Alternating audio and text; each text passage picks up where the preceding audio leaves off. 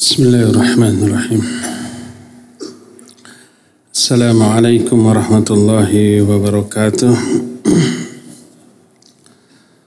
إن الحمد لله نحمده ونستعينه ونستغفره ونعوذ بالله من شرور أنفسنا والسيئات أعمالنا من يهده الله فلا مضل له ومن يضلل فلا هادي له وأشهد أن لا إله إلا الله وحده لا شريك له وأشهد أن محمدا عبده ورسوله.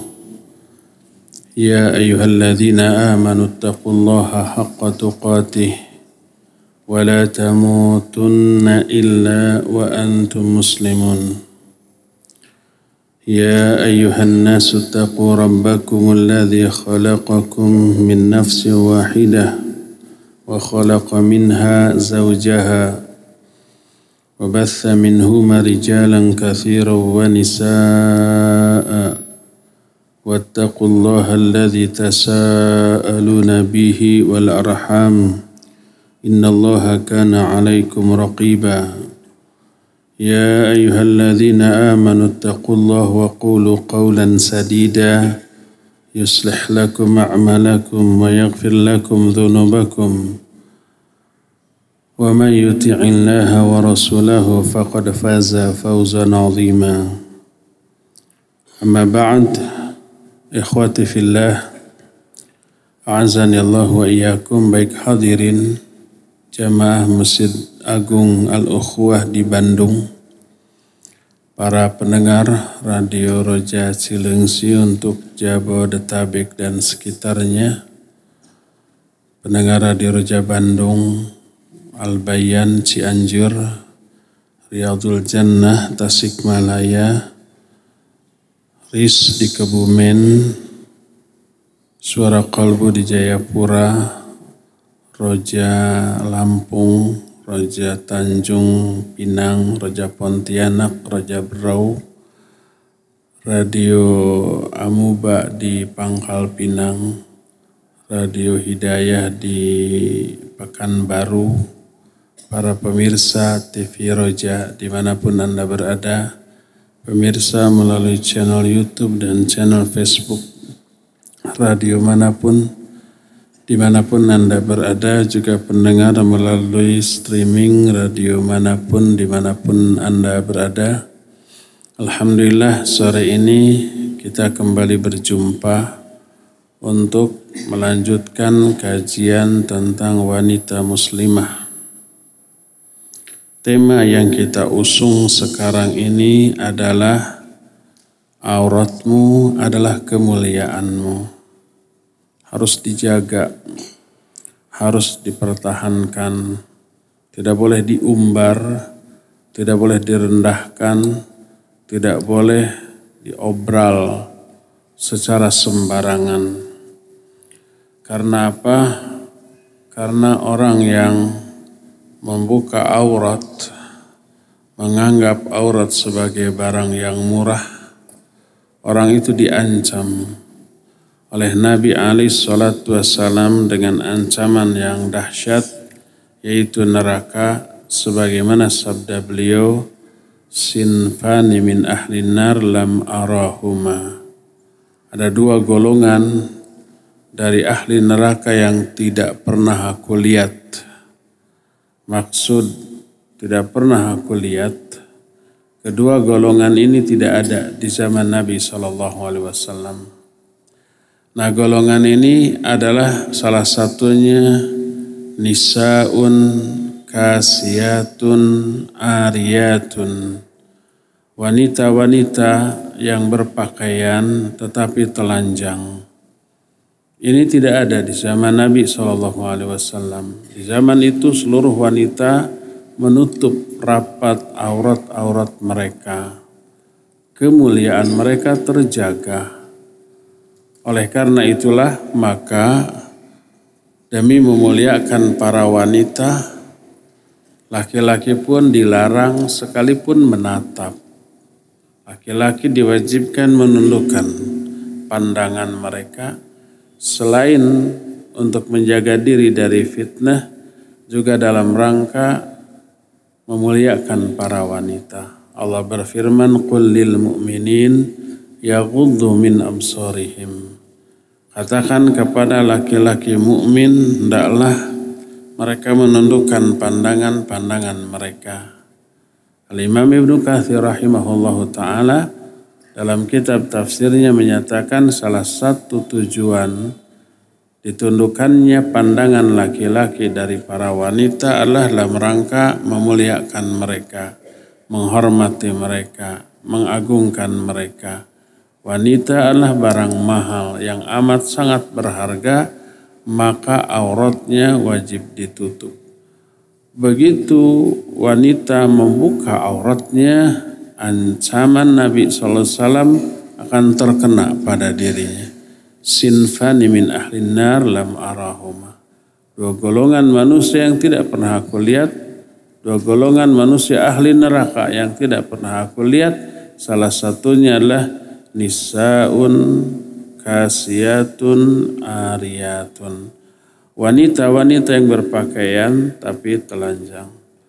Mereka adalah wanita yang berpakaian, tapi pakaiannya tidak menutup seluruh aurat hanya sebagian aurat, sebagiannya lagi terbuka atau menutup seluruh aurat, tapi warna kulitnya masih kelihatan. Kain yang dipakainya transparan, tembus pandang, atau tidak tembus pandang, tebal, menutup seluruh aurat, tapi sempit sehingga mencetak bentuk tubuh wanita yang memakai pakaian tersebut.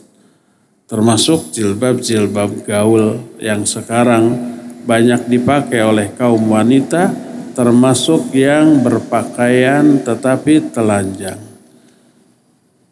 Semangat wanita untuk mengenakan jilbab sekarang perlu diapresiasi. Tapi ada yang disayangkan setelah para wanita hijrah dari membuka aurat kepada menutup aurat, mereka lebih disibukkan mempelajari hal yang berkaitan dengan mode dari berjilbab. Modelnya agar kelihatan menarik, cantik dengan tetap menutup aurat. Bukan bukan mempelajari syariat Islam yang mewajibkan jilbab kepada mereka ya. Berkata Al-Baji dalam kitab Al-Muntaqa ketika mengomentari hadis Nabi Shallallahu alaihi wasallam yang bersabda rubba kasiyatin fid dunya ariyatin fil akhirah Betapa banyaknya wanita-wanita yang berpakaian ketika di dunia. Tapi dia akan telanjang di akhirat nanti. Berkata Al-Baji, yahtamilu ayyurida bihi annaha kasyah fid dunya. Yalbis yalbasu ma qad nuhiyat anhu fahiya tu'ri min ajalihi fil akhirah idza qusya ghairuha min ahli shalah. Yang dimaksud dengan hadis ini bahwa banyak wanita yang berpakaian di dunia tapi telanjang di akhirat. Artinya mereka memakai pakaian di dunia dengan pakaian yang terlarang. Baik terlarang itu karena pakaian itu tidak menutup seluruh aurat. Atau menutup seluruh aurat tapi transparan, warna kulitnya kelihatan. Atau tidak transparan, tidak membuka aurat tetapi sempit dan mencetak bentuk tubuhnya seluruhnya itu termasuk berpakaian tetapi telanjang.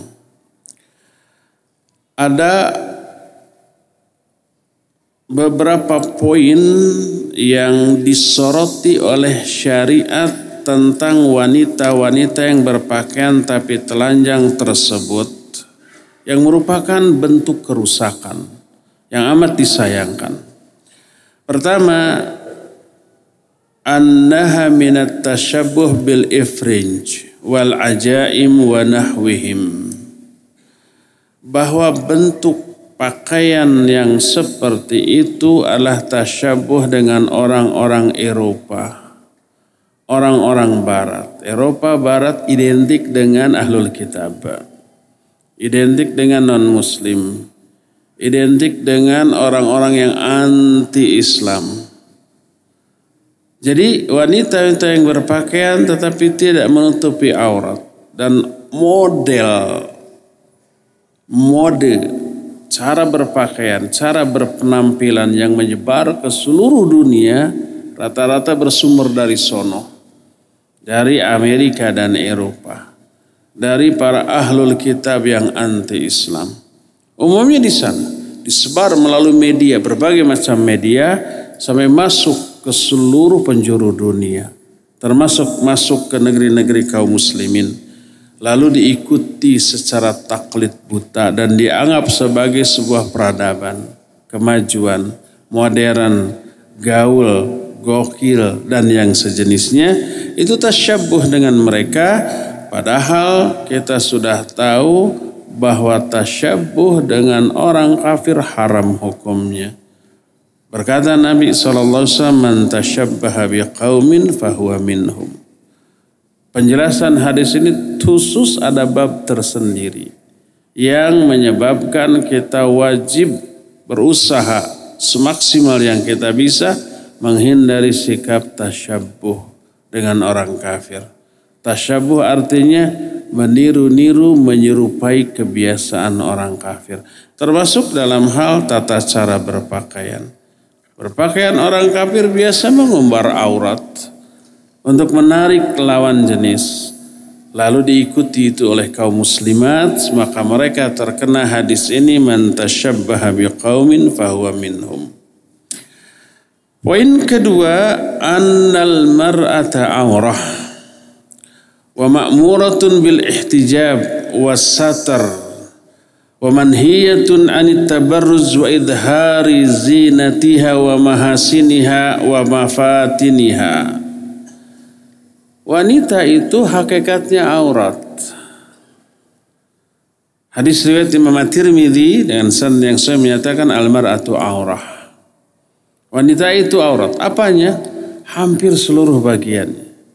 Kecuali bagian yang tidak bisa dihindarkan seperti pakaian. Pakaianlah perhiasan. Kita sudah bahas salah satu fungsi pakaian adalah perhiasan. Ya Bani Adam, pada angzalna alaikum libasa yuwari sawatikum warisha. Hai Bani Adam, kami telah turunkan bagi kalian pakaian untuk menutup aurat, warisha dan juga sebagai perhiasan. Wanita uh, pakaian adalah perhiasan. Termasuk pakaian yang dipakai oleh para wanita. Makanya Abdullah bin Mas'ud radhiyallahu an menyatakan ketika menerangkan wala yubdina zinatahunna illa ma dhahara minha Kata Allah, janganlah para wanita menampakkan perhiasan mereka kecuali perhiasan yang biasa nampak daripadanya.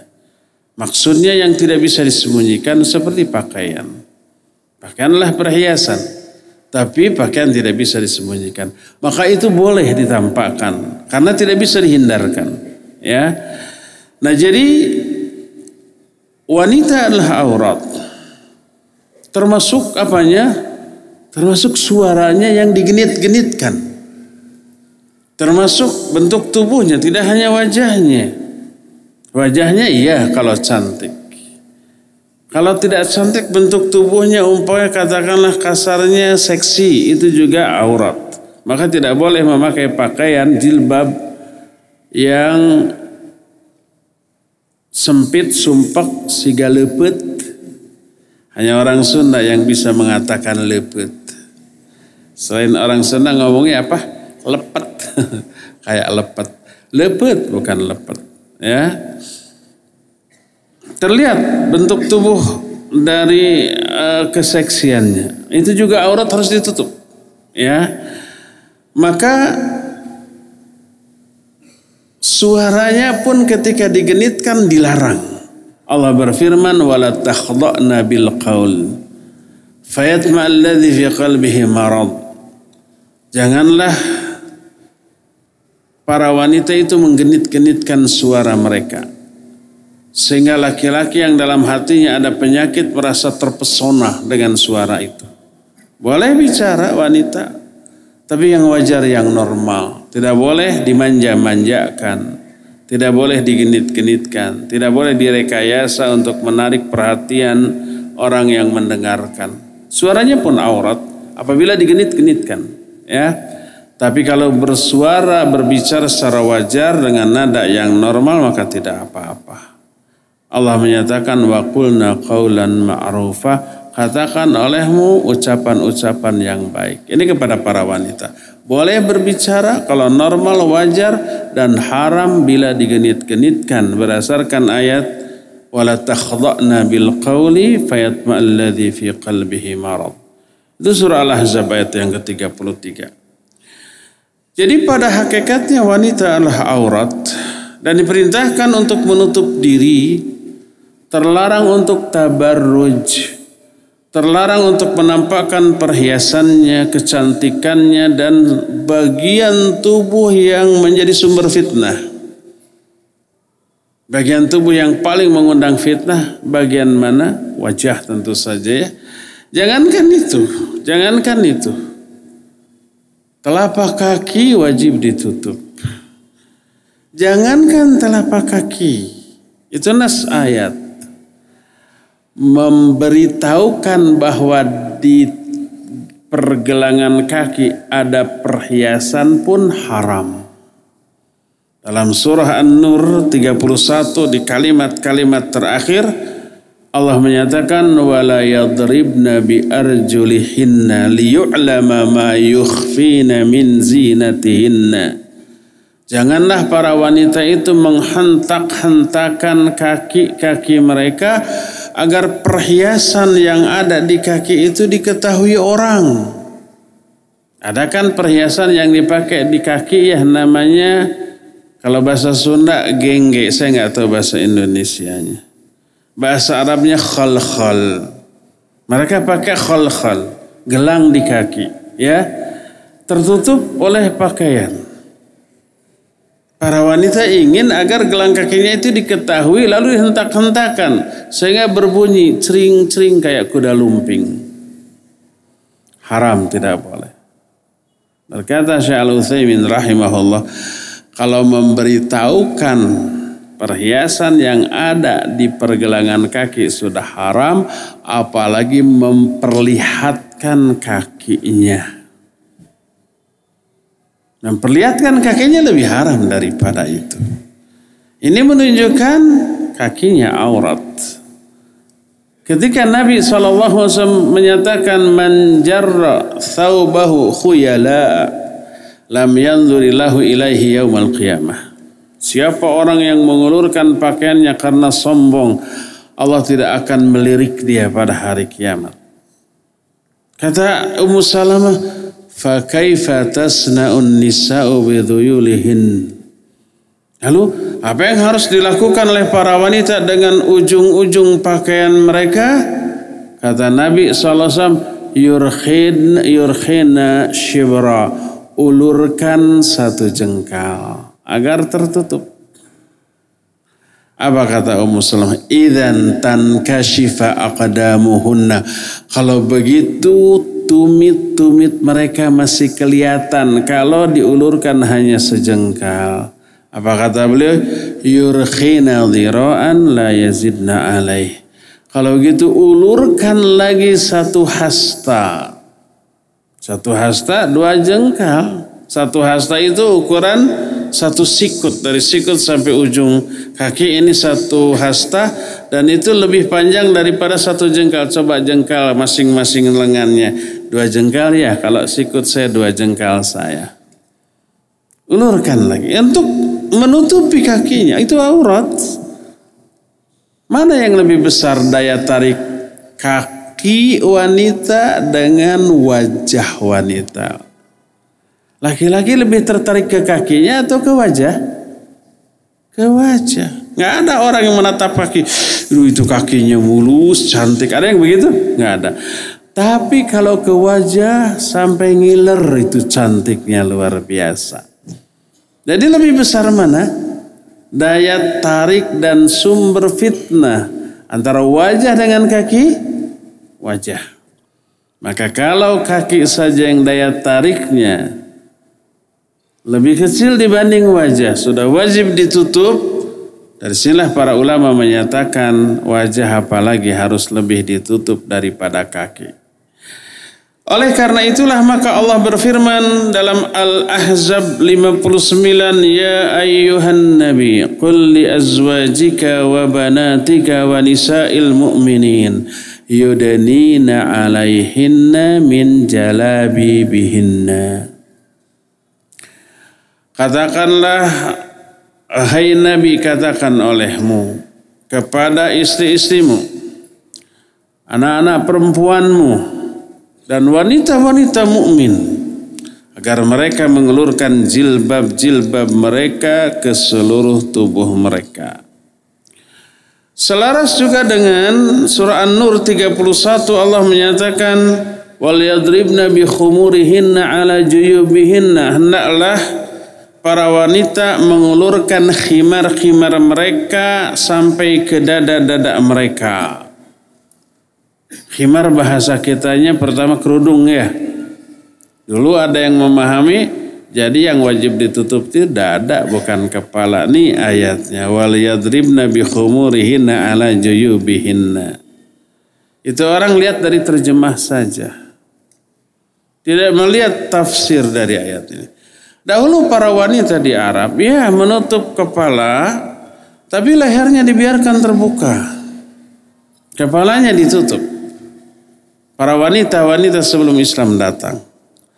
Tapi lehernya, dadanya, kadang perutnya juga terbuka. Maka Allah menurunkan ayat ini bahwa si kerudung itu harus menutupi dari kepala sampai ke dadanya. Seluruh yang terlewati oleh kerudung tertutup, termasuk dadanya, lehernya dan dadanya. Di sini disebut dada sebagai bagian terakhir yang harus tertutup. Apa yang ter, terlewati oleh kerudung sebelum dada harus tertutup. Termasuk lehernya. Makanya ketika Abu Ubaidah rahimahullah yang dikutip oleh Imam Ibnu Katsir dalam kitab tafsirnya ditanya tentang ayat ini, bagaimana pengamalan dari ayat ini? beliau mendemonstrasikan dengan cara dicopotnya imamah dia. Imamah itu apa? Uh, sorbannya. Lalu ditutupkan ke kepalanya, ke wajahnya, ke lehernya sampai ke dadanya dan hanya menampakkan dua mata untuk melihat. Termasuk wajahnya tertutup. Itu yang didemonstrasikan oleh Abu Ubaidah rahimahullah taala.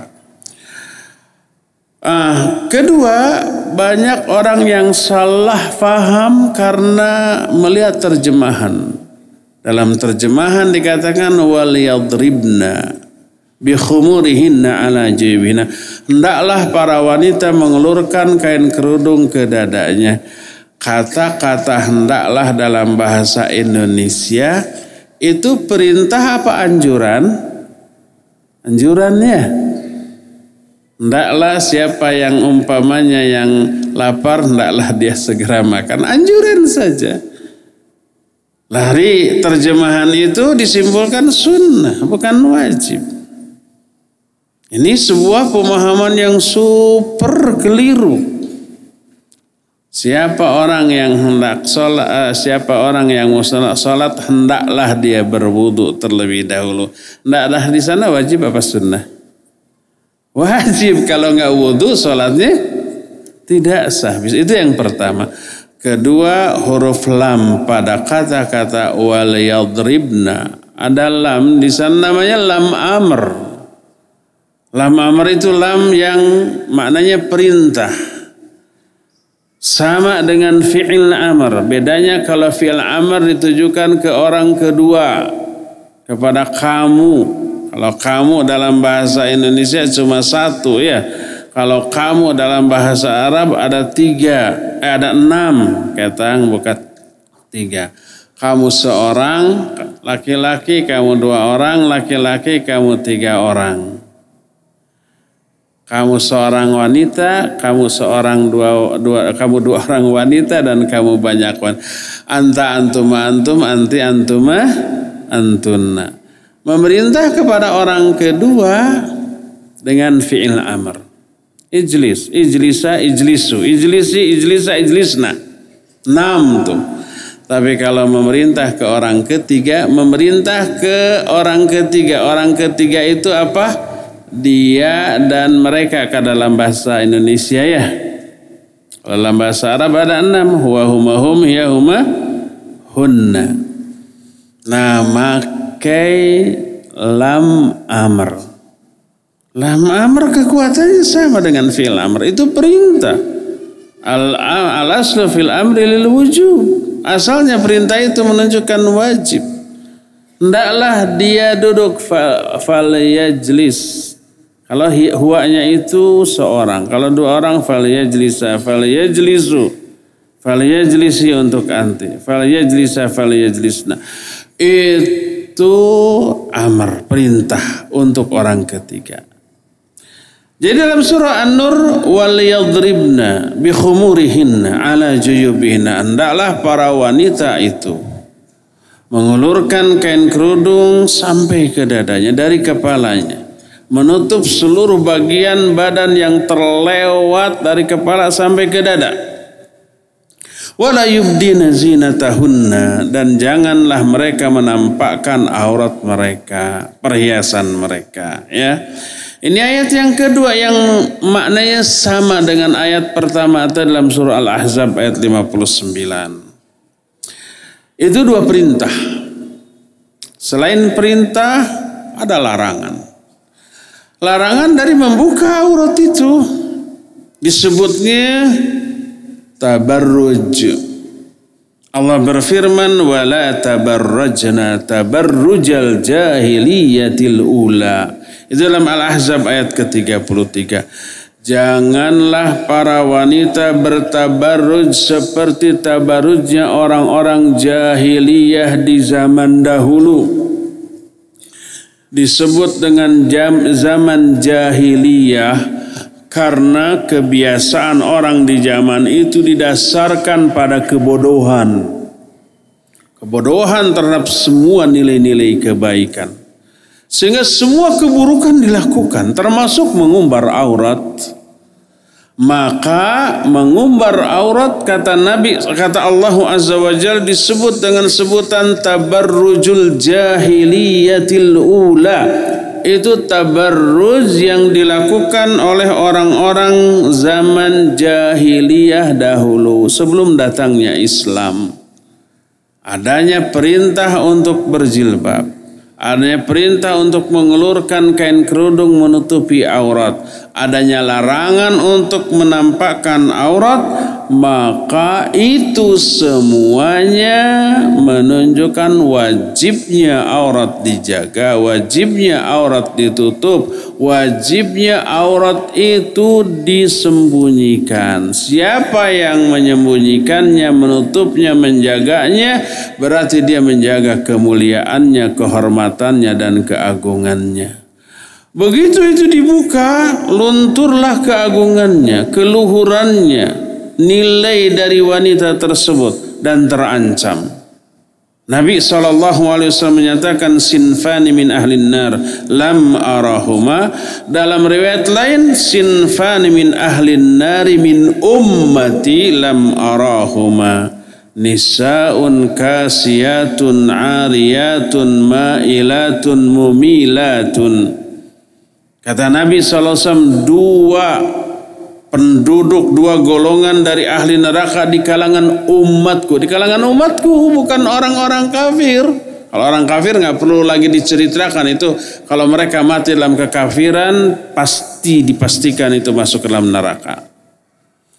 Nah di kalangan umatku ini ada dua golongan yang akan masuk neraka. Salah satunya adalah wanita berpakaian tapi telanjang mailat, mumilat, mereka miring dan memiringkan. Nanti lebih rinci makna miring dan memiringkan ini akan dijelaskan. Salah satu makna yang sudah kita bahas, mailat miring itu artinya dia berdosa dengan cara berpakaian seperti itu. Mumilat memiringkan maknanya membuat orang lain juga berdosa. Apakah kalau wanita membuka aurat laki-laki yang memandangnya berdosa apa tidak? Ya pasti berdosa. Karena apa? Karena dari memandang aurat wanita terlanggarlah banyak hal. Terlanggarlah ayat yang menyatakan qul lil mu'minina yaghuddu min absarihim. Katakan kepada laki-laki mukmin hendaklah mereka menundukkan pandangan mereka. Apakah ayat ini berarti para wanita muslimah di zaman itu terbuka wajahnya sehingga para laki-laki harus menundukkan pandangan? Tidak, para wanita itu tertutup wajahnya wanita muslimah. Hanya banyak wanita munafik, wanita kafir yang membuka wajahnya. Wanita wajah wanita mukminah tertutup, tapi wanita-wanita kafir, wanita munafik munafik terbuka. Nah, itu wajib itu pertama. Kedua, kadang-kadang wanita muslimat dalam kondisi tertentu tanpa sengaja auratnya bisa terlihat. Ketika mereka mau menaik, menaik kendaraan, dulu kendaraannya bukan mobil. Tapi unta atau kuda, ya mungkin nggak tersingkap pakaian bagian bawahnya betisnya kelihatan, sangat mungkin. Kita naik motor saja bisa itu terjadi. Apalagi naik kuda atau unta. Tinggi mana unta, kuda sama motor? Tinggi unta, tinggi kuda. Ya. Apalagi kalau motor mah ya selain rendah juga ada pedalnya ya, ada bukan pedal bisa masuk melalui tengah-tengahnya yang bolong apa bagian apa itu namanya? Ada kan motor-motor bebek begitu? Bebek merek bukan? Bukan ya. Jenis-jenis motor. Ya. Kalau unta atau kuda nggak ada bolong di tengahnya tuh. Jadi harus mancal kata orang Sunda mah. Tahu mancal ya? ya harus mancal begitu. Mungkin nggak terbuka auratnya, mungkin. Mungkin nggak terlihat oleh para laki-laki, mungkin tundukan. Wajib ditundukkan. Ya. Jadi dengan melihat aurat perempuan yang terbuka pertama terlanggarlah ayat qul lil mu'minin yaghuddu min absarihim. Juga banyak hadis yang menyatakan Nabi SAW menyatakan la tutri la tutbi'in nadratan nadra fa inna lakal ula wa laysa lakal akhirah. Jangan kamu ikuti pandangan pertama dengan pandangan berikutnya. Pandangan pertama yang tidak sengaja itu hakmu, tidak berdosa. Tapi pandangan berikutnya itu dosa. Kedua, kerusakan kedua, tatapan kepada lawan jenis menyebarkan racun kepada batin, pikiran dan perasaan. Apa kalau menatap nanti tidak terbayang-bayang? Terbayang-bayang apa tidak ikhwan? Aku hayo. Terbayang ya. Dan seterusnya lah ya. Berdasarkan hal itulah maka wanita itu mumilat Mumilat itu apa? Bikin orang lain menjadi miring. Maknanya bikin orang lain berdosa, bermaksiat juga. Jangankan langsung atau baru foto saja sudah menimbulkan maksiat. Coba ahwat yang cantik umpamanya ya. Di foto kemudian tempel di medsos. Di Instagram, di Facebook ya. Menjadi DP di BBM, di WhatsApp, di semua media sosial. Ya Ikhwan punten oh, ahwat, ahwat, ahwat katanya maju, maju. Sudah terlalu penuh ke ke belakang agar yang baru datang yang masih di luar bisa masuk. Ahwat maju lagi. Tolong geser. Ada nggak foto wanita tersebut kemudian di save oleh laki-laki? Setiap malam dibuka dan ditatap? Iya. Dosa nggak laki-laki itu? Dosa. Si penyebabnya si akhwat yang mengposting fotonya itu ikut dosa apa tidak? Iya, masuk ke dalam hadis man sanna fil Islam sunnatan sayyi'atan fa'alaihi wizruha wa wizru man amila biha. Siapa orang yang menunjukkan satu jalan keburukan bagi orang lain menjadi penyebab orang lain berbuat dosa, dia akan memikul dosa itu ditambah dengan dosa-dosa orang yang mengikuti perbuatan itu tanpa mengurangi dosa mereka sedikit pun. Ikhwan yang menatapnya dosa untuk dirinya sendiri, akhwat yang mempostingnya menanggung dosa seluruh ikhwan yang menatap tadi. Tanpa mengurangi dosa si ikhwan masing-masing. Cepat akhwat hapus tuh foto-foto di media sosial, di Facebook, apalagi foto-foto jadul waktu masih dari bayi sampai sekarang gitu ya. Itu perkembangan dia itu bisa terketahui melalui foto. Kalau bayi masih telanjang mungkin nggak masalah. Ini sudah TK, sudah SD, SMP, SMA terus ini proses hijrah saya sebelum saya memakai hijab. Ada fotonya tuh, cantik kan, tapi lebih anggun sekarang. Dikomentari sendiri. hmm. Hapus semuanya itu, hapus ya, tidak boleh lagi dipajang. Jadi wanita seperti itu mailat mumilat. Ma'ilat dia miring, maknanya dia berdosa dengan perbuatannya. Ini salah satu mananya, bukan satu-satunya. Mana lain nanti kita bahas. Mumilat memiringkan orang lain. Membuat orang lain miring maknanya membuat orang lain berdosa dengan perbuatan yang dilakukannya. Ya. Berdasarkan hal itu, maka wajib bagi para wanita memperhatikan aspek ini agar tidak menjadi dosa jariah bagi dirinya. Baru-baru ini di Timur Tengah muncul satu baju model terbaru. Disebutnya dengan sebutan kotrah yaitu bagian dalam bagian uh, bawahnya luas, bagian atasnya luas, tapi bagian pinggangnya disempitkan. Orang Sunda menyebut dengan sebutan disekeng. Saya nggak tahu bahasa Indonesianya. Sempit bagian pinggangnya, ya disebutnya kotrah.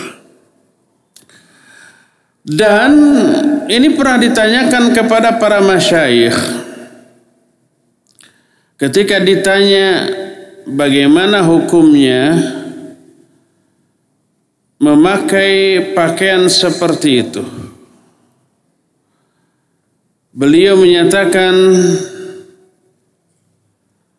فكيف لو رأى ملابس النساء اليوم الذي تفصل أعضاءهن تفصيلا وماذا ستكون فتواه Ketika ditanya tentang wanita-wanita yang berpakaian tapi telanjang yang tadi, ya beliau berfatwa haram, maka, bagaimana apabila para ulama zaman terdahulu melihat wanita, pakaian wanita-wanita sekarang yang menampakkan bentuk tubuhnya, kira-kira bagaimanakah fatwanya? Maka pasti akan lebih mengharamkan apa yang dilakukan oleh para wanita sekarang ini. Adapun yang menjadi dalil bahwa wanita tersebut terlarang untuk memakai pakaian yang bagian pinggangnya disekeng. Disekeng itu apa tadi ya? Di, disempitkan. Apa yang terjadi menampakkan bentuk bentuk tubuh. Karena itu menampakkan bentuk tubuh dan dinyatakan sebagai sesuatu yang haram sebagaimana yang diterangkan oleh Imam Ibnu Hajar al-Asqalani rahimahullah kitab Fathul Bari syarah Sahih Bukhari. Tapi aneh, ada beberapa di kalangan kaum muslimin tulabul ilm yang membolehkan diikatnya bagian pinggang pakaian wanita berdasarkan hadis yang sahih riwayat Imam Bukhari tentang Asma binti Abi Bakar radhiyallahu anhuma. Ketika Nabi dan Abu Bakar bersembunyi di sebuah gua. Ada hadiah. Ada yang tahu gua apa namanya? Tempat bersembunyi Nabi dan Abu Bakar sebelum hijrah. Gua apa? Apa? Hiro. Ada yang tidak setuju dengan gua Hiro apa? Gua Thur. Gua Hiro mah tempat turunnya wahyu. Kalau Gua Hiro tempatnya di Bukit Nur. Kalau Gua Thur di bukit di mana sih? Ada yang tahu? Gua Thur di gunung apa namanya? Di Gunung Thur. Mana Thur atau Thaur artinya sapi jantan yang besar. Karena dari kejauhan bentuk gunung itu seperti sapi jantan. Disebutlah gua Thur. Eh, disebutlah gunung Thur. Di dalamnya ada gua.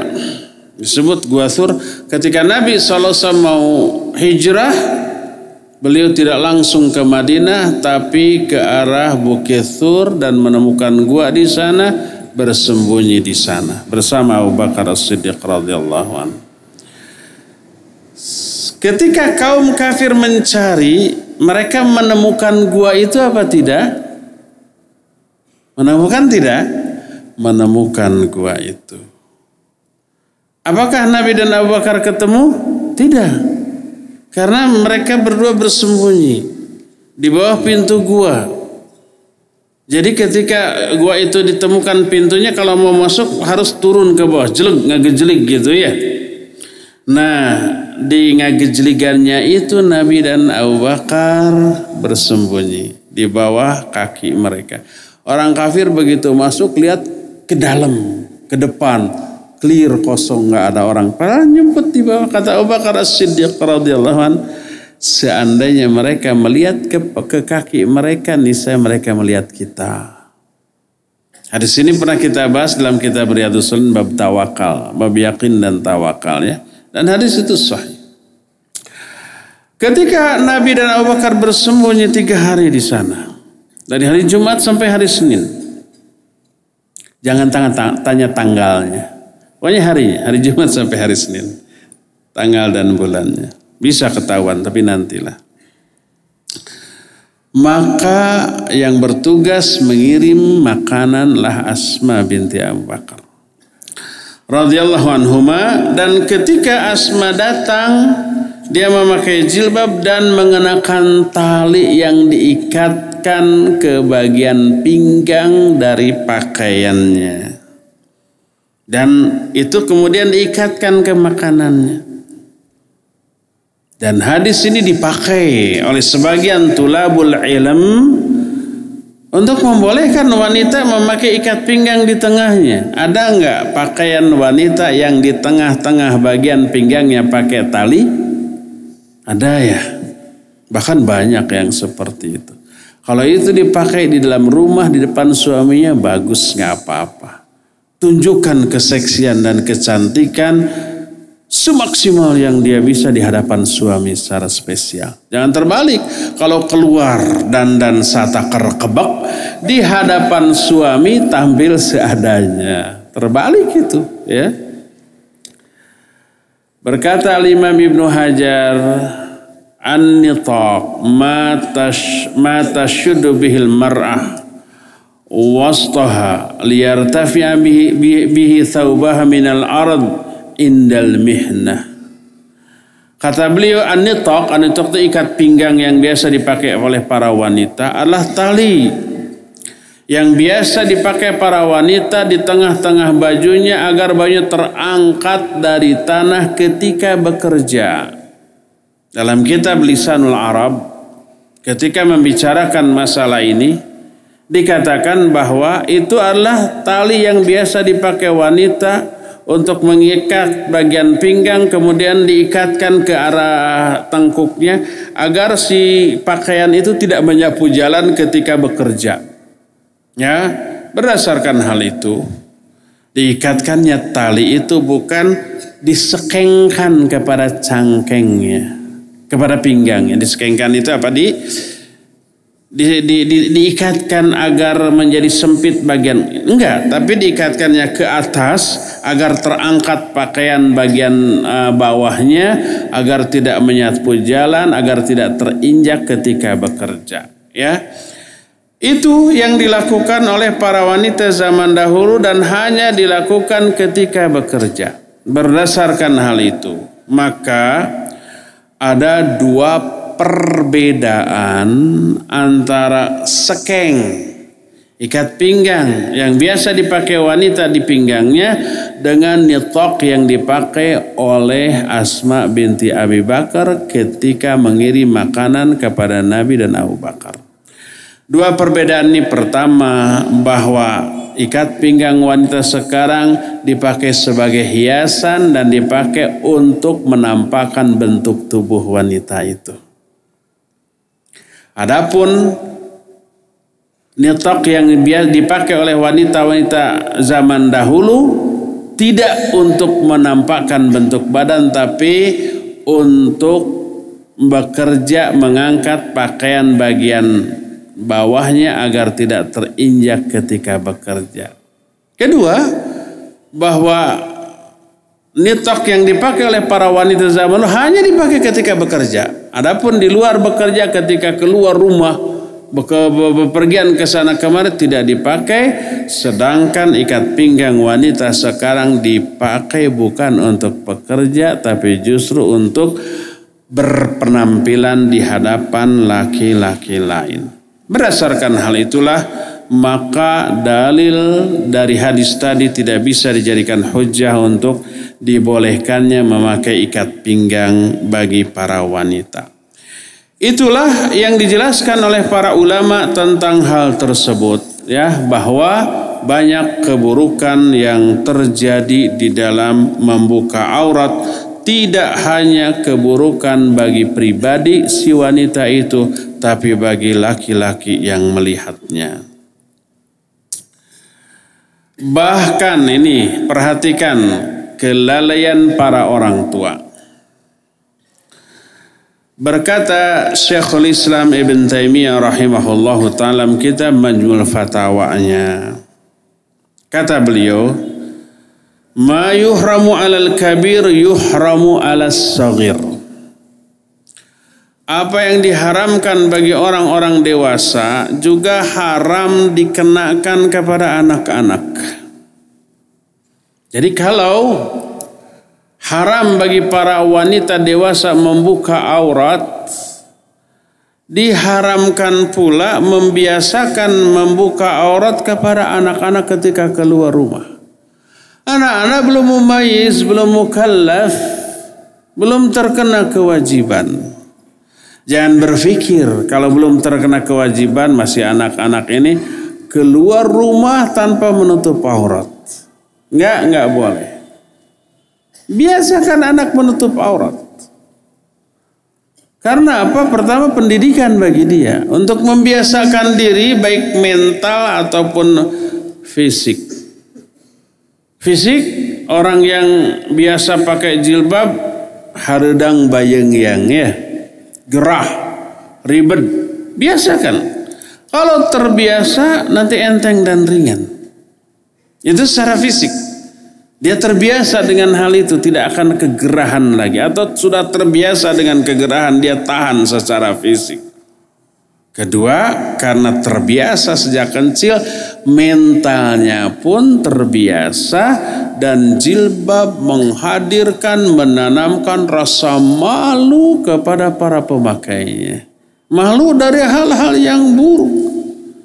Coba kalau umpamanya ada ahwat mau pulang dari kajian sini, jalan kaki dulu gitu. Di pinggir jalan ada tukang bakso atau tukang cendol Pesen mang dua mangkok. Dua mangkok bakso, dua mangkok cendol. Lalu makan sambil nagok di pinggir jalan. dalam keadaan berjilbab. Berani tidak? Tidak, tidak berani. Salah satunya karena jilbab yang dipakainya. Apalagi melakukan hal-hal yang tidak senonoh. Apalagi mengatakan hal-hal yang tidak layak. Datang umpah berpapasan dengan laki-laki yang ganteng. Kalau wanita-wanita lain melirik terus sampai muter. Sampai ngomong, hei cowok godain kita dong. Berani nggak wanita yang berjilbab ber berbicara seperti itu? Enggak. Salah satunya karena jilbabnya. Jilbab itu tameng dari keburukan akhlak juga, ya. Kedua, ter, orang yang wanita yang sudah terbiasa berjilbab, lalu suatu saat membuka auratnya di depan orang yang bukan mahramnya, ada rasa malu tidak? Ada rasa malu. Ini juga berlaku bagi anak-anak. Anak-anak yang sejak kecil dipakaikan jilbab, dia sudah terbiasa, nyaman dengan hal itu. Pas suatu saat dibuka di hadapan laki-laki lain atau orang asing yang tidak dikenal, dia malu. Dia murungkut gitu ya. Coba umpamanya ada ikhwan ahwat punya anak kecil, wanita dipakaikan jilbab setiap hari. Suatu saat dibawa oleh neneknya, oleh kakeknya. Kakeknya kata orang Sunda mah nyah dulang. Ini nggak ada terjemahannya nyah dulang. Sayang, cinta, tetapi, duh susah nggak ngejelasinnya ini ya. Termasuk sayang, cinta yang mengakibatkan keburukan bagi anak tersebut. Nyah dulang itu apa pun keinginan yang diinginkan oleh si si anak itu dipenuhi walaupun nggak bagus, walaupun buruk gitu ya. Umpamanya pengen jajanan pinggir jalan yang sudah digemrong lalur. Karena anaknya ingin, eh nggak apa-apalah paling mencret gitu. Daripada kasihan anak kalau nangis begitu. Nggak tega melihat anak kecewa, sedih. Karena keinginan yang tidak dipenuhi. Akhirnya dikasih itu nyah dulang. Nah ketika si cucu yang biasa berjilbab. Di tempat panas. Kelihatan keringetan. Mereka si kakek neneknya merasakan kegerahan. Lalu bilang, cu buka ya jilbabnya biar nggak gerah. Dia menyangka, kakek nenek menyangka itu demi menyenangkan si cucu. Begitu cucu dibuka dia menjerit, nggak mau, nggak mau. Ada rasa malu nggak? Ada rasa malu karena sudah terbiasa berjilbab. Nggak mau dia melepas. Maka ditanamkannya kebiasaan sejak dini merupakan pendidikan yang wajib diterapkan oleh para orang tua kepada anak-anak perempuan mereka. Makanya apa yang diwajibkan bagi orang-orang dewasa juga diwajibkan bagi anak-anak sebagai kewajiban pendidikan yang harus dilakukan oleh orang tua kepada anak-anak. Jangan dibiarkan anak-anak tidak menutup aurat hanya karena mereka masih belum mukallaf belum memayis. Ketika menjelaskan masalah ini berkata para masyayikh di antaranya muallif rahim uh, rahimahallahu taala uh, hafizahallahu taala menyatakan dia berkata walau ista'aratil mar'ah anna ibnataha satata'allaqu bi ruqyah uh, birukbatiha yaumal qiyamah. Wa taqul ummi lam tamnauni. Ummi lam ta'khud alayya yaddi. Ummi uh, ra'atni wa lam tunkir alayya. Seandainya para wanita membiarkan putri-putrinya tidak berjilbab, membiarkan anak-anaknya melakukan keburukan hanya karena dia masih anak-anak. Itu bahayanya banyak loh. Pertama, ketika dia melakukan keburukan itu di hadapan orang lain oleh orang lain, dilarang, dinasihati. Dia bilang apa? Ibu saya nggak pernah melarang saya begitu. Ayah saya sering melihat saya begini-begini, tapi dia nggak pernah menghardik saya seperti itu. Sehingga apa yang terjadi? Yang terjadi mereka menganggap kesalahan itu sebagai sebuah kebaikan dan kebenaran karena tidak pernah dilarang oleh orang tuanya. Ingat para orang tua, kalau anak melakukan kesalahan, Jangan dibiarkan hanya karena dia masih anak-anak. Biarlah wajar anak-anak jangan dimarahi, jangan disalahkan. Apa akibatnya? Anak-anak merasa benar dengan kesalahannya. Ya, tetap jelaskan bahwa itu keliru, salah, nggak boleh dilakukan. Cuma caranya yang lembut, caranya yang hikmah, caranya yang disesuaikan dengan kondisi psikis si anak. Jangan kasar, jangan keras, tapi tetap harus diberitahu bahwa itu sebuah kesalahan. Jangan memakai metode orang-orang kafir yang menyatakan jangan pernah mengatakan jangan kepada anak. Itu metodologi orang-orang kafir. Eh kamu jangan begitu. Itu terlarang menurut metodologi pendidikan anak-anak versi orang kafir. Al-Quran, hadis mengajarkan itu. Ingat enggak? ayat yang terdapat dalam surah Luqman wa idh qala Luqmanu libnihi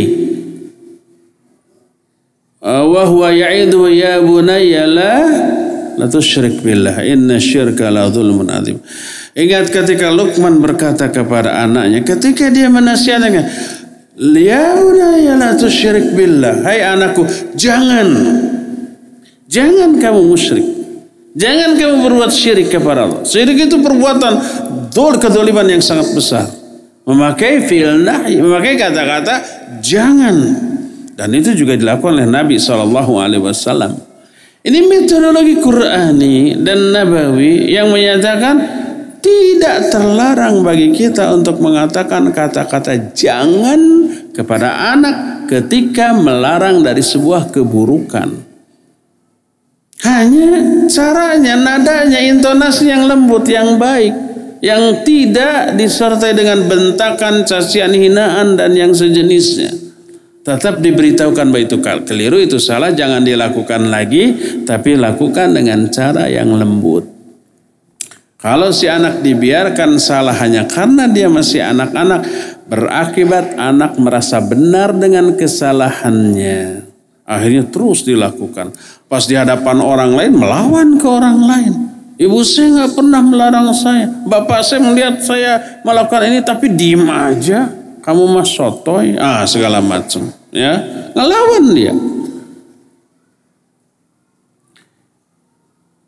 Termasuk bila seorang putri yang masih kecil tidak memakai jilbab. Ketika ada orang lain, eh mana jilbabnya? Oh kata Umi juga nggak apa-apa, dan masih kecil. Akhirnya begitu, itu yang pertama. Kedua, dengan kebiasaan seperti itu dia merasa nyaman dengan tidak memakai jilbab.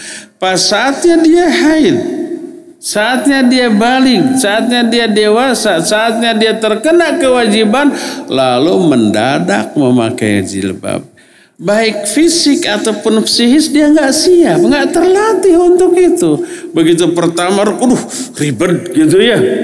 Uh, harudang apa harudang teh gerah keringetan nggak nyaman gitu ya nggak bisa buru-buru terus sis biasanya nggak pakai pas pakai keluar pada waktu ABG kelihatan teman-teman lakinya malu pakai jilbab Beratlah dia pakai jilbab, akhirnya dia lebih memilih tidak pakai jilbab walaupun tahu itu kewajiban.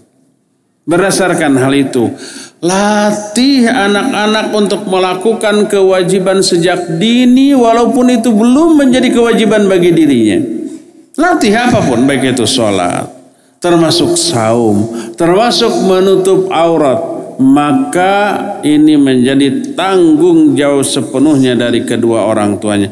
Dan inilah yang menjadi salah satu kandungan ayat ya ayyuhalladzina amanu qu anfusakum wa ahlikum naro. Hai orang-orang beriman, jaga diri-diri kalian dan keluarga kalian dari api neraka. Berkata Nabi SAW, Ala kullukum ra'in wa kullukum mas'ulun an ra'iyati wal mar'u ra'iyatun ala ahli baiti zawjiha wa waladiha wa hiya mas'ulatun anhum. Setiap kalian pemimpin dan setiap kalian akan ditanya tentang kepemimpinannya. Seorang wanita adalah pemimpin di keluarganya terhadap putranya, terhadap putrinya, terhadap harta suaminya dan dia akan ditanya tentang kepemimpinannya. Para ibu akan ditanya bagaimana dia mendidik dan membina anak-anaknya ya dan itu menjadi sesuatu yang tidak bisa dihindarkan. Inilah poin yang kedua. Poin yang ketiga. Kita akan perdalam makna ma'ilat mumilat ru'usuhunna ka'asnimatil bukhat al-ma'ilah. Ya. Apa makna ma'ilat mumilat? Ma'ilat artinya miring mumilat memiringkan. Ru'usuhunna ka'asnimatil bukhtil ma'ilah. Kepala-kepala mereka itu seperti punduk unta yang miring. Dan itu termasuk salah satu di antara karakter wanita calon penghuni neraka Berdasarkan sabda Nabi SAW, sinfani min ahlin nar min ummati lam arahuma. Ada dua golongan ahli neraka dari kalangan umatku yang tidak pernah aku lihat. Salah satunya adalah wanita-wanita yang berpakaian tapi telanjang. Makna berpakaian tapi telanjang sudah kita terangkan. Berpakaian tapi tidak menutup aurat berpakaian tapi masih menampakkan bentuk tubuhnya. Berpakaian tetapi masih uh, terlihat warna kulitnya karena kain yang dipakainya adalah kain yang transparan yang tembus pandang. Dan seterusnya itu sudah kita terangkan. Apa sekarang makna mailat mumilat Makna pertama sudah kita jelaskan. Ma'ilat artinya dia berdosa, miring. Maknanya adalah maksiat. Maknanya dia terjerumus ke dalam dosa. Miring maknanya dia menyimpang dari kebenaran. Dan dia memikul dosa. Mumilat maknanya membuat orang lain juga berdosa. Ini makna pertama yang sudah kita terangkan. Makna kedua ini makna yang hakiki. Kalau tadi makna maknawi, tafsiran maknawi atau yang disebut juga dengan makna tersirat dan bukan makna tersurat. Nah sekarang makna tersurat, kepala mereka seperti punduk unta yang miring. Mereka miring dan memiringkan dan ini maknanya hakiki. Artinya si rambut kepalanya itu ditumpuk di atas kepalanya. Menyerupai punduk unta. Dan dimiringkan. Dan itu kebiasaan perempuan-perempuan yang tak beradab di zaman tersebut. Berkata Syekh Abdullah Jibrin uh, rahimahullahu taala ketika menjelaskan bagaimana rambut para istri Nabi ketika mereka berjilbab keluar rumah. Kata beliau, yufdalu farqu sya'ri min wasatil wajh wa fatlihi alal janibain wa huwa fi'lu ummahatil mu'minina mim wa man ba'dahun. Kata Syekh Jibrin lebih utama tidak wajib tapi lebih utama. Rambut wanita itu dibelah dua dari arah tengah. Lalu dijuntaikan ke dua arah, satu arah samping kanan, satu arah samping kiri. Dan itulah yang dilakukan oleh ummahatul mukminin oleh para istri Nabi alaihi salatu wassalam dan itulah yang mesti dilakukan oleh seluruh mukminat yang solihat. Sebuah hadis yang diterima diriwayatkan dari Sulami. Sulami ini seorang pembantu Nabi Wasallam, hamba sahaya. Dan hamba sahaya itu boleh melihat aurat majikannya yang perempuan. Sebab Allah dalam surah uh, An-Nur ayat 31 menyatakan wala yubdina zinatahunna illa li bu'ulatihinna au abaihinna au abnaihinna terus janganlah para wanita menampakkan aurat mereka kecuali kepada suaminya kepada ayahnya kepada anak laki-lakinya terus sampai pada kalimat auma malakat aimanuhunna atau hamba-hamba sahaya mereka yang mereka miliki. Karena hamba sahaya harus membantu majikannya termasuk majikan wanitanya yang apabila wanitanya itu tetap berjilbab rapat akan membuat mereka kerepotan. Maka dibolehkan. Ini hamba sahaya dan hamba saya bukan pembantu. Tidak boleh ini diterapkan ke pembantu umpamanya ibu-ibu punya pembantu laki-laki tukang kebun atau sopir gitu laki-laki ya. Jangan dianggap itu hamba sahaya. Jadi boleh membuka kerudung di hadapan dia. Nggak boleh. Ini khusus hamba sahaya. Ketika Fatimah radhiyallahu anha sedang ada di rumahnya, datang Nabi SAW membawa seorang laki-laki. Saat itu Fatimah sedang memakai jilbab yang pendek. Baju abaya yang pendek yang apabila ditutupkan ke kepalanya terbuka kakinya. Bila diulurkan ke bawah menutupi kakinya terbukalah kepalanya. Jadi Fatimah bingung, uruh Nabi SAW ayahnya ini membawa laki-laki yang tidak dikenal. Akhirnya dia tutupkan ke kepalanya. Tapi nongol betisnya. Dibuka kepalanya, ditutupkan betisnya. Kepalanya kelihatan.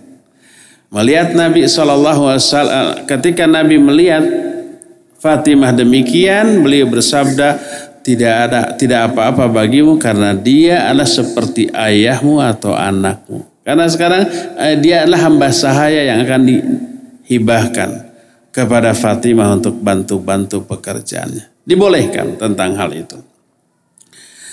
Nah, jadi hamba sahaya boleh. Termasuk salah satunya adalah Sulami. Salah seorang hamba sahaya dia berkata anna azwajan nabi sallallahu alaihi wasallam kunna yajalna ru'usahanna arba'ata quru fa idza fa idza tasalna jam, jama'naha jama'nahu ala wasta ru'usihinna walam yanqud walam yanqudnah Kata Sulami, sesungguhnya istri-istri Nabi Shallallahu Alaihi Wasallam, ya, mereka menjadikan rambut kepalanya itu empat empat kepangan ya, empat untunan, empat naon itulah, empat bagian. Apabila mereka mau mandi, mereka menyatukan semua eh, rambutnya itu ya di tengah dan disatukan dan diikatkan dan mereka tidak menguraikannya, tidak membukanya.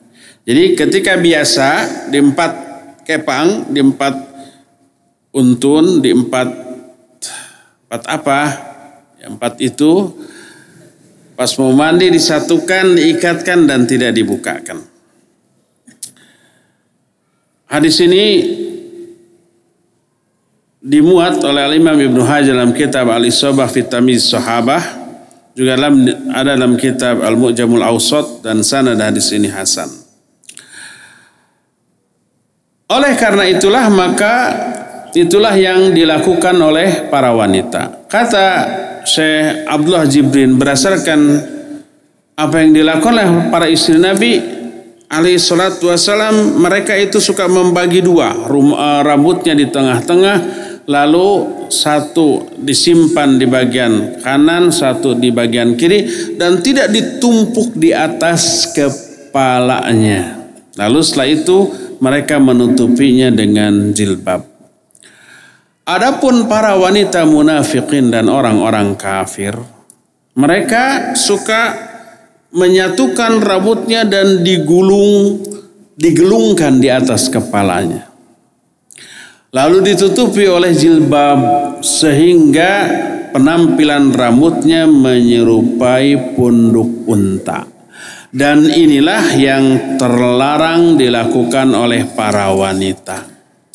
Dan itulah yang dimaksud dengan mailat mumilat jadi rambutnya itu miring. Memang kebiasaannya dipiringkan dan pasti akan miring karena ketinggian rambut tersebut tidak memungkinkan rambut itu ajeg pancek di tengah-tengah secara tegak lurus ke atas. Enggak pasti akan miring dan itu sesuatu yang tidak bisa dihindari.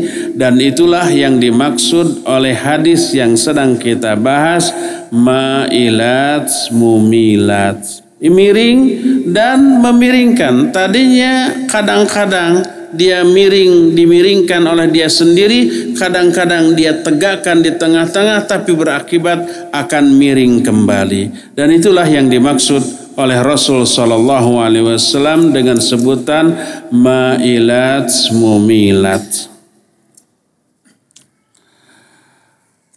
Apa keburukan yang muncul dari hal itu? Banyak keburukan yang muncul dari perbuatan tersebut. Keburukan yang pertama kita bahas bulan depan. Sekarang waktunya sudah cukup untuk menerangkan, untuk menjelaskan. Sisa waktu yang ada kita akan gunakan untuk tanya jawab. Di meja saya sudah Puluhan kertas pertanyaan, mungkin waktu yang kita miliki tidak cukup ya. Kita pilih-pilih saja. Wa ashabihi wasallam. Bismillah, Ustadz, menundukkan pandangan itu apa berarti kita sama sekali tidak boleh melihat mereka? Bagaimana sikap kita saat perempuan menyapa kita? Iya, hukum asal tidak melihat mereka. Kecuali pertama kalau tidak hal yang tidak bisa dihindarkan. Seperti sekarang kita berada di luar jalan-jalan atau mau ke sini melihat banyak wanita. Bisa nggak merem? Nggak bisa tersandung nanti ya. Nyupi ruh banyak wanita merem. Abrak. Kalau tidak bisa dihindarkan la yukallifullahu nafsan illa wusa. Kedua, ada momen-momen tertentu di mana seseorang boleh melihat kepada para wanita, di antaranya seorang hakim yang sedang memutuskan sebuah perkara yang melibatkan wanita, saksi wanita. Agar tidak ada manipulasi dari aspek hukum, boleh melihat wajah wanita tersebut.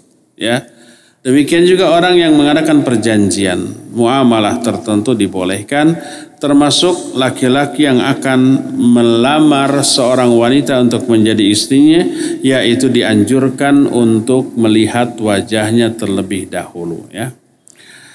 Terus bagaimana sikap kita kalau di, uh, sikap kita saat perempuan menyapa kita. Uh, sudah kita terangkan kalau bertemu di tengah jalan laki dengan perempuan, dua-duanya muslim dan muslimah, apakah harus bersalam? Kalau ini kalau kedua-duanya masih muda, masih punya syahwat, maka tidak boleh salam. Karena salam menimbulkan madarat. Begitu lagi berjalan tiba-tiba assalamualaikum gitu ya. Reaksi kita gimana? Pasti melirik ke arah suara ya. Dia menatap, kita menatap. Bertemulah dua tatapan. Kira-kira madarat apa tidak? Ya madarat. Akan menjadi fitnah. Setan masuk di sana. Maka tidak boleh. Adapun kalau salah satu bahkan dua-duanya sudah ajuz, sudah manula, sudah kakek-kakek dan nenek-nenek, sudah tidak memiliki syahwat, ABG ke kakek-kakek atau ABG laki-laki ke nenek-nenek, maka dibolehkan menyampaikan salam dan menyapa ya. Kalau umpah kita sedang berjalan kemudian berpapasan dengan wanita yang mengenal kita lalu salam assalamualaikum ya kita jawab waalaikumsalam tanpa harus menoleh. Karena tahu itu wanita ya dari suaranya. Nanti dikasa, dikatain sombong, biarin aja. Sombong nggak ngeleri, biarin. Dia nggak ngerti. Bagaimana tata cara berbicara kepada lawan jenis yang tidak menutup aurat? Boleh bicara, tapi tundukkan pandangan kita. Satu menghadap ke sana, satu menghadap ke mana. Patongong-tongong nggak apa-apa. Dilihat orang itu orang aneh ngobrol ya, nggak berkeprimanusiaan, nggak berkeprimanusiaan, nggak berkeprimanusiaan, nggak nggak nggak berkep priahwatan. Gak apa-apa. Penilaian orang tidak boleh mempengaruhi kita untuk komitmen kepada syariat. Apa seorang kakak juga akan ditanya tentang tanggung jawabnya terhadap adik-adiknya? Iya akan ditanya. Bagaimana jika sudah diberitahu tentang kebenaran tapi tidak mau terima, bukan tanggung jawab kita. Tanggung jawab kita menyampaikan. Ya, diterima atau tidak itu urusan dia dengan Allah. Apakah harus dinasihat terus berulang kali? Ya, sesering yang kita bisa ya. Jangan bosan untuk menasihati orang yang sedang melakukan kesalahan.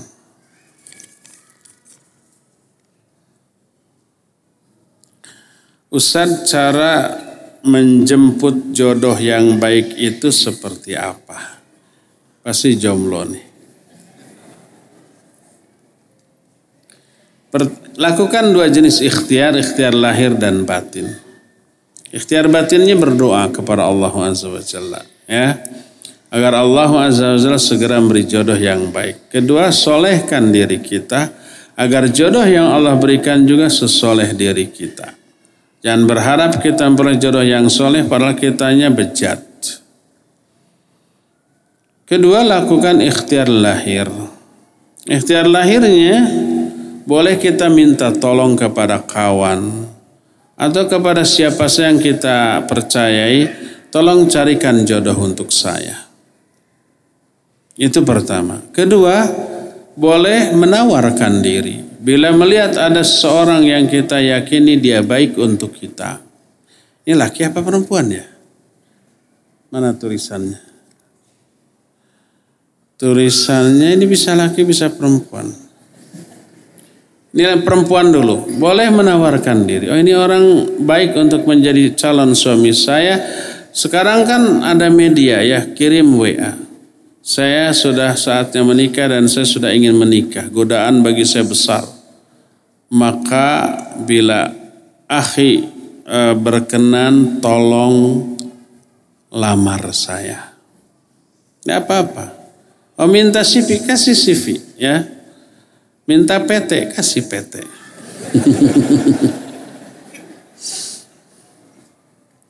Semoga itu jadi jodoh. Jangan sampai karena gengsi, karena malu tidak menawarkannya, akhirnya disamber orang baru menyesal. Aduh, kenapa ya? Ya gitu.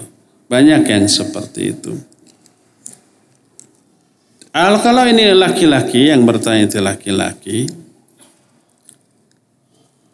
maka cari wanita yang baik, cari informasi tentang kebaikan wanita itu setelah yakin istikharah, setelah yakin ah, lamar. Ukti saya sudah mau menikah dan saya sudah istikharah dan pilihan saya jatuh ke ukti.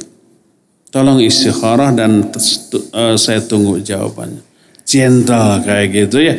Adapun kalau ditolak afan, anti akhi ini sudah yang ke-11 dan saya sudah menerima yang lebih ya sudahlah atau umpamanya maaf saya tidak berkenan dengan akhi gitu Ya sudah nasib itu, cari lagi yang lain ya. Jangan patah semangat hanya karena ditolak oleh satu dua wanita. Cari lagi, tolak lagi, cari lagi, tolak sampai 20 kali. Nanti ke 21 baru dapat sisanya.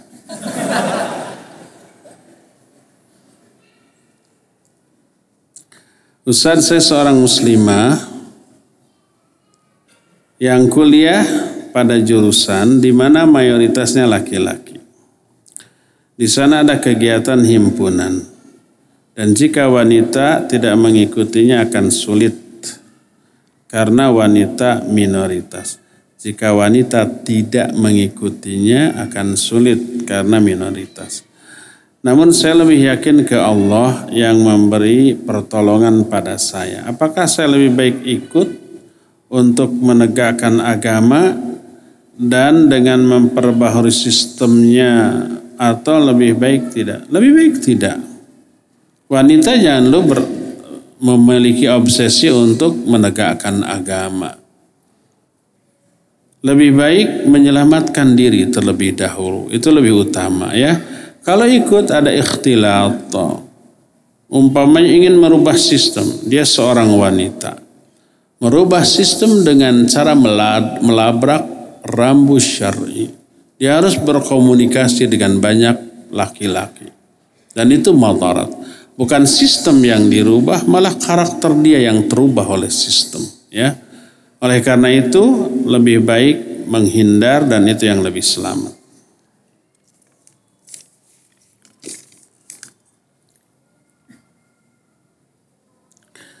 Ustaz ketika menundukkan pandangan namun tetap terlihat aurat wanita atau kaki, bagaimana solusinya?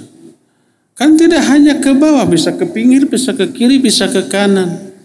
Kalau umpamanya diangkot, diangkot ya. Duduk di depan kita wanita, lihat ke depan wajahnya, lihat ke bawah betisnya, ya. Ke kiri. Eh, wanita juga. ke kanan. Wanita juga merem sudah. Kelewat bilang pesan, sopir saya turun di anu, itu saja sudah. Ya, ah banyak cara kalau dia cerdas. Tapi kalau umpamanya bukan diangkut di jalan, ya sudah pergi dari sana. Banyak cara untuk menghindar kalau ada kemauan untuk menghindar. Mohon nasihat untuk ahwat, ahwat yang mengupload foto dengan diberikan caption dakwah dan dengan pemahaman untuk motivasi nikah muda maupun bercadar. Motivasi yang bagus tidak menghalalkan segala cara. Al-ghayah la tubarrirul wasilah. Tujuan itu tidak menghalalkan segala cara.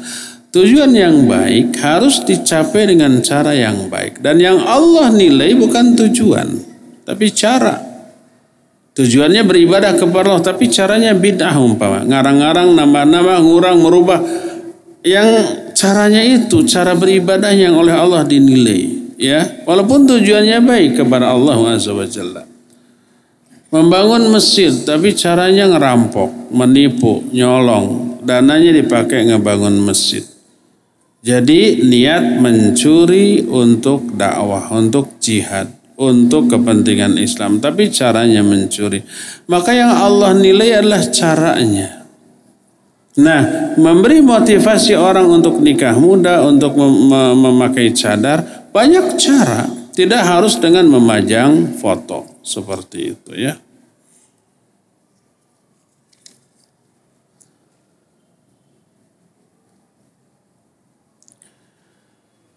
Apa hukum money changer? Kalau berbeda umlah, umlah itu apa? Currency. Currency itu apa? Berbeda mata uang dibolehkan. Asal dengan nilai yang sepadan, ya. Adapun kalau satu jenis umlah, satu jenis currency rupiah membeli ke rupiah, ada kelebihan maka itu riba. Umpamanya saya punya banyak uh, uang 100 ribuan nggak punya receh butuh receh. Membeli receh yang 90 ribu dengan 100 ribu. Maka itu tidak boleh itu riba ya. Adapun yang sama nilainya empat tukar uang 100 ribu selembar dengan 50 ribu dua lembar maka nilainya sama maka itu boleh. Demikian juga berbeda uh, falas ber, berbeda currency dibolehkan asal nilainya sama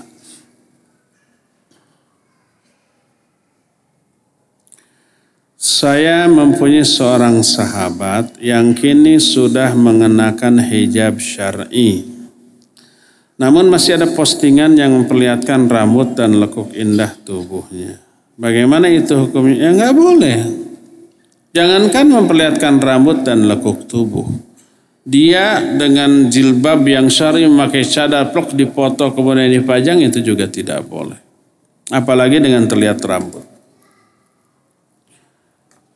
Bagaimana saya harus memberitahukan agar dia tidak tersinggung? Kasih tahu intinya demikian cuma caranya. Dipilih yang baik, yang lembut, yang hikmah dan cari momen yang pas. Jangan di hadapan orang banyak, jangan dengan cara yang memojokkan. Eh kamu tuh ahli neraka loh. Kata Ustaz tuh, ini hadisnya ada. Nah itu akan menimbulkan ketersinggungan. Kalau kalau sholat sunnah pakai takbiratul ihram enggak? Ya pakai, semua sholat pakai. Kalau enggak enggak sah sebab takbiratul ihram adalah rukun, ya. Kalau enggak gimana langsung begini gitu? Pakai takbir Allahu Akbar lalu sedekap. Kalau enggak begitu enggak sah sholatnya. Baik fardu ataupun sunnah.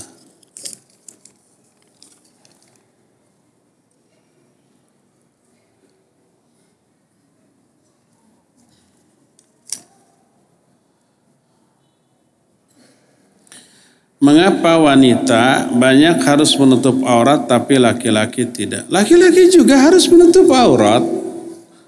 Yang berbeda adalah batasan aurat. Kalau wanita seluruh tubuh. Ada ikhtilaf kecuali wajah dan dua telapak tangan. Diikhtilafkan oleh para ulama. Tapi jumhur ulama, mayoritas ulama menyatakan wajah termasuk aurat. Ayat dan hadis banyak tentang hal itu. Tapi kalau toh ada ulama yang berpendapat itu sunnah tidak wajib, maka tidak apa-apa. Beliau adalah ulama mujtahid. Seperti Syekh Al-Albani rahimahullah menyatakan tidak wajib menutup wajah, tapi sunnah afdal. Jadi ikhtilafnya antara wajib dan sunnah, bukan wajib dan haram, tapi wajib dan sunnah. Ya. Nah,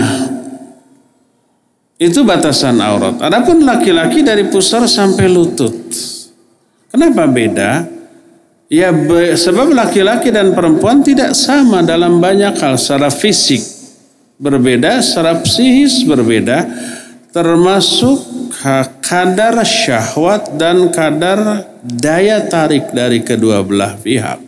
Itu berbeda, ya. Dan Allah Maha tahu yang menciptakan syariat tentang aurat ini Allah yang menciptakan laki dan perempuan. Dibedakan karena berbedanya antara laki dan perempuan. Jangan sampai menuntut eman si pasti kalau wanita wajib sadar, ah, ikhwan juga wajib semua gitu. Kalau kita katakan wajah wanita kan mengandung daya tarik, lah emang laki-laki enggak gitu? Ada nggak wanita yang tertarik dengan wajah laki-laki? Banyak. Banyak yang terfitnah seperti itu. Apakah laki-laki wajib dicadar? Enggak. Karena tidak ada nas. Nabi SAW dicadar tidak. Tidak ya. Terima saja ketetapan syariat dari pembuat syariat yang maha tahu tentang kemaslahatan kita.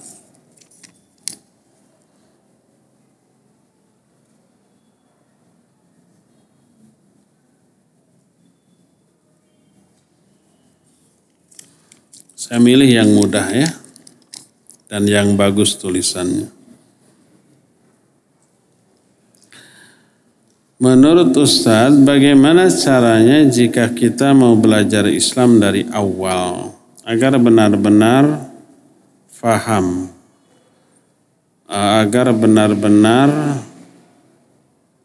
dalam, agar benar-benar dalam langkah awal yang harus saya lakukan. Mohon pencerahan.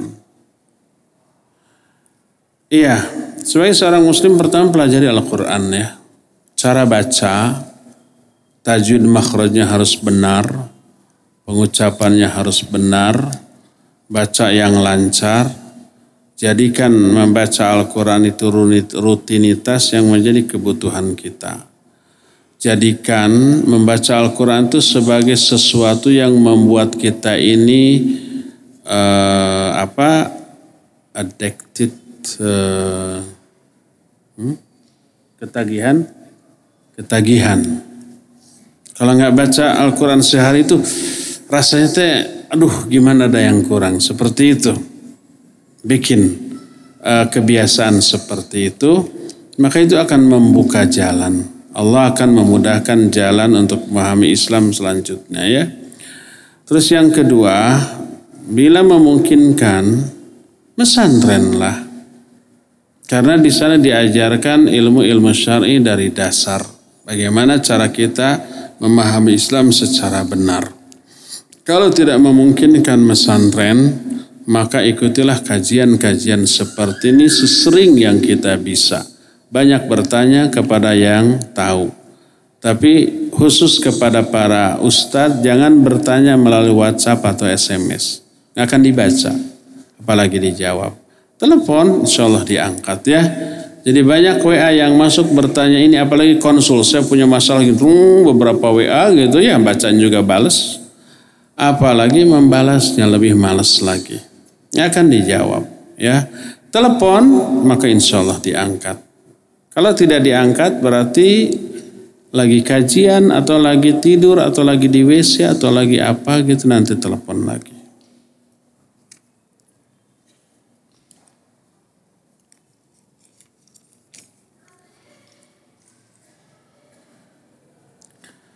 Saya seorang dokter yang baru saja resign dari sebuah rumah sakit. Dengan alasan jarak saya terlalu jauh dan tidak nyaman meninggalkan rumah dan suami dalam waktu 8 sampai 12 jam. Saat ini saya sedang melamar di sebuah rumah sakit milik TNI. Namun orang rumah sakit tersebut mencari tahu kepada keluarga saya. Apakah dokter itu bercadar? Sampai saat ini saya belum mendapat panggilan dari rumah sakit tersebut. Padahal saya sudah dijanjikan untuk apa ini kredensial test namun setelah tahu saya bercadar, eh, kredensial tes tersebut diundur sampai tidak tahu kapan balik. Oh dibalik. Mohon pencerahan karena saya ini saat ini saya mulai dalam tahap krisis kepercayaan diri setelah resign dari rumah sakit yang begitu besar Lalu sekarang saya belum dapat menerapkan ilmu saya kembali. Maaf Ustaz, saya kalau praktek pakai masker. Iya, barakallahu. Semoga Allah memberi kemudahan. Ini salah satu ujian. Ujian atas sebuah sikap yang benar. Semoga Allah memberikan kemudahan dan yakinilah bahwa pasti Allah akan memberikan kemudahan. Kita tinggal sabar menunggu saat yang pas ya. Jangan berputus asa, jangan krisis kepercayaan, eh krisis, kritis kepercayaan, jangan putus asa dari rahmat Allah. Teruslah berdoa dan teruslah teruslah berusaha ya. E, pertama kan ada suami tadi ya. Pertama Uh, mungkin ada suami yang menafkahi ini yang pertama. Yang kedua bahwa tugas sebagai seorang dokter baru wajib kalau memang emergensi bagi orang untuk menerima pertolongan dari dokter yang bersangkutan ditolong. Adapun kalau membuka praktek maka tidaklah wajib bagi dia ya. Kalau bisa membuka praktek di rumah, prakteklah di rumah. Maka pasien akan berdatangan, rezeki akan lebih datang jauh lebih banyak daripada praktek di rumah sakit. Betapa banyak dokter-dokter di kampung penghasilannya jauh lebih banyak pada dokter umum dibanding dokter spesialis. Karena di kampung itu asal cocok, asal pas sekali sembuh gitu ya, itu akan tersebar berita ke orang lain akhirnya berduyun-duyun ke sana. Semoga Allah mudahkan, tetaplah berusaha mencari Tetaplah berdoa, tetaplah sabar, tetaplah optimis dan tetaplah yakin akan janji Allah Subhanahu wa taala.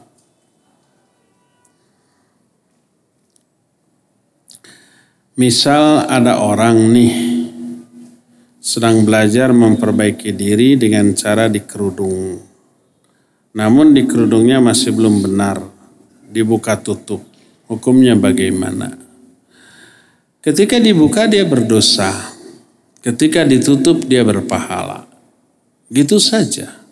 Ya. Yang harus dia lakukanlah istiqamah di atas kebenaran. Cari lingkungan yang bisa mendukung dia untuk istiqamah. Cari kawan-kawan yang rajin ke pengajian seperti ini. Akhirnya sedikit demi sedikit kita terkuatkan lama-lama kita insya Allah istiqamah dan hindarkan kawan-kawan yang bisa menghalangi kita dari berkerudung bahkan menyeret kita kepada tabarruj hindarkan kawan-kawan itu walaupun sahabat dekat karena akan menjerumuskan kita ingat peribahasa menyatakan as-sahib sahib sahabat ini akan menyeret kita Menyeret ke mana? Menyeret ke karakter yang dimiliki oleh sahabat. Kalau karakternya buruk kita ke bawah buruk. Kalau karakternya baik kita akan terbawa baik. Pilihlah yang berkarakter baik. Nabi SAW menyatakan al-mar'u ala dini khalili falyanzur ahadukum mayu khalil. Hadis itu Hasan riwayat Imam Abu Dawud dalam kitab sunannya. Seseorang agamanya akan dipengaruhi oleh agama kawannya. Maka hendaklah setiap kalian memperhatikan dengan siapa dia berkawan.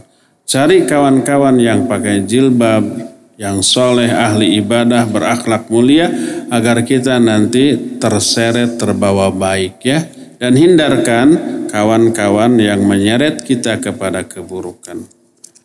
Semoga Allah mengistiqamahkan akhwat yang barusan bertanya.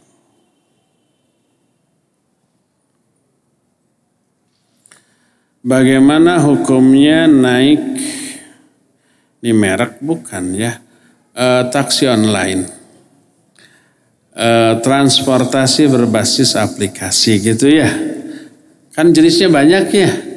Ada anu yang merupakan merek. Kayak ini merek ya. Bagaimana hukumnya naik taksi online? Mengingat dalam situasi terpaksa seperti tidak ada kendaraan umum atau telat kuliah. Hukum asal boleh, tentu saja baik bagi laki-laki maupun wanita. Cuma kalau dia wanita, cari yang supirnya wanita. Ada nggak? Kalau nggak ada, cari kawan, jangan sendiri. Jangan berdua dengan sopir, cawik kawan, berdua, bertiga, berbanyakan, bayarnya kan sama ya, sehingga tidak berkhulwat di dalam kendaraan tersebut.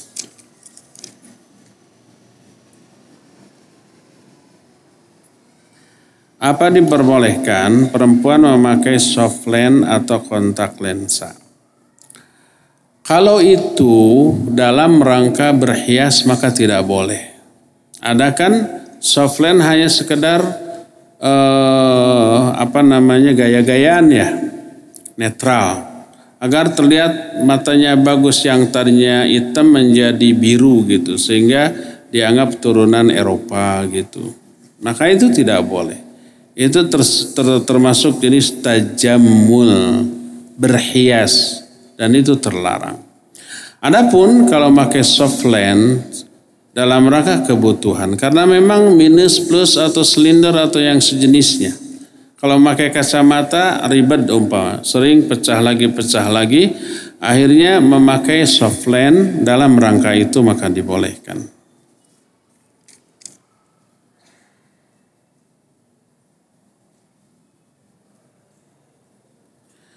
Kalau wanita rambutnya panjang, ketika wudhu, sholat harus dilepas nggak ikatan rambut? Tidak, tidak harus dilepas. Silakan ikat yang kencang. Bagaimana cara ngajak orang tua agar berpakaian sesuai syariat Islam? Ajak, yuk pakai syariat Islam gitu.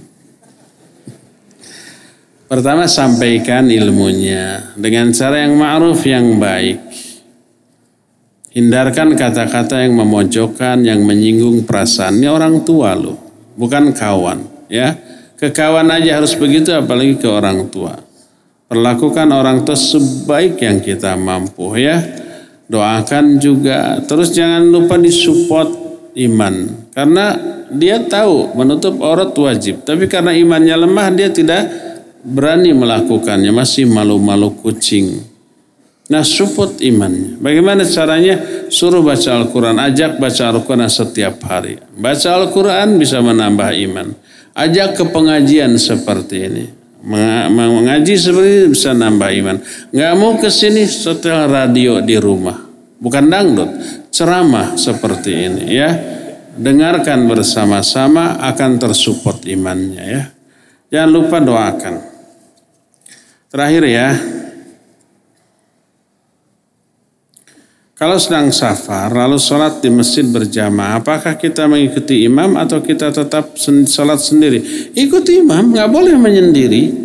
Jadi kalau umpah kita musafir lalu sholat di masjid, di awal waktu pas adzan masuk, ikuti imam, jangan dikosor. Zuhur, asar, isya, ya empat rakaat bersama imam. Kecuali kalau kita pas masuk masjid, imam sudah salam, sudah bubar, kita sholat sendirian, silakan dikosor sebagai musafir. Tapi kalau pas imam ada, berjamaah dengan imam, maka ikuti imam empat rakaat. Setelah salam, kalau kita mau menjama dengan asar atau maghrib dengan isya, silakan dikosor asarnya atau isanya kalau memang ada udur syar'i untuk menjamaknya. Ya, jadi sekali lagi kalau kita sholat di masjid berjamaah dengan imam, ikuti imam jangan menyendiri. Apalagi imam sedang sholat, basandar kita mem mem membuat jamaah baru khusus para musafirin. Dikeraskan lagi. Maka tidak boleh ya. Ya cukup sampai di sini sebentar lagi adzan maghrib berkumandang. Insya Allah kita jumpa melanjutkan kajian ini di sebulan yang akan datang. Subhanakallahum bihamdik asyhadu an la ilaha illa anta astaghfiruka wa atubu ilaik walhamdulillahi rabbil alamin. Wassalamualaikum warahmatullahi wabarakatuh.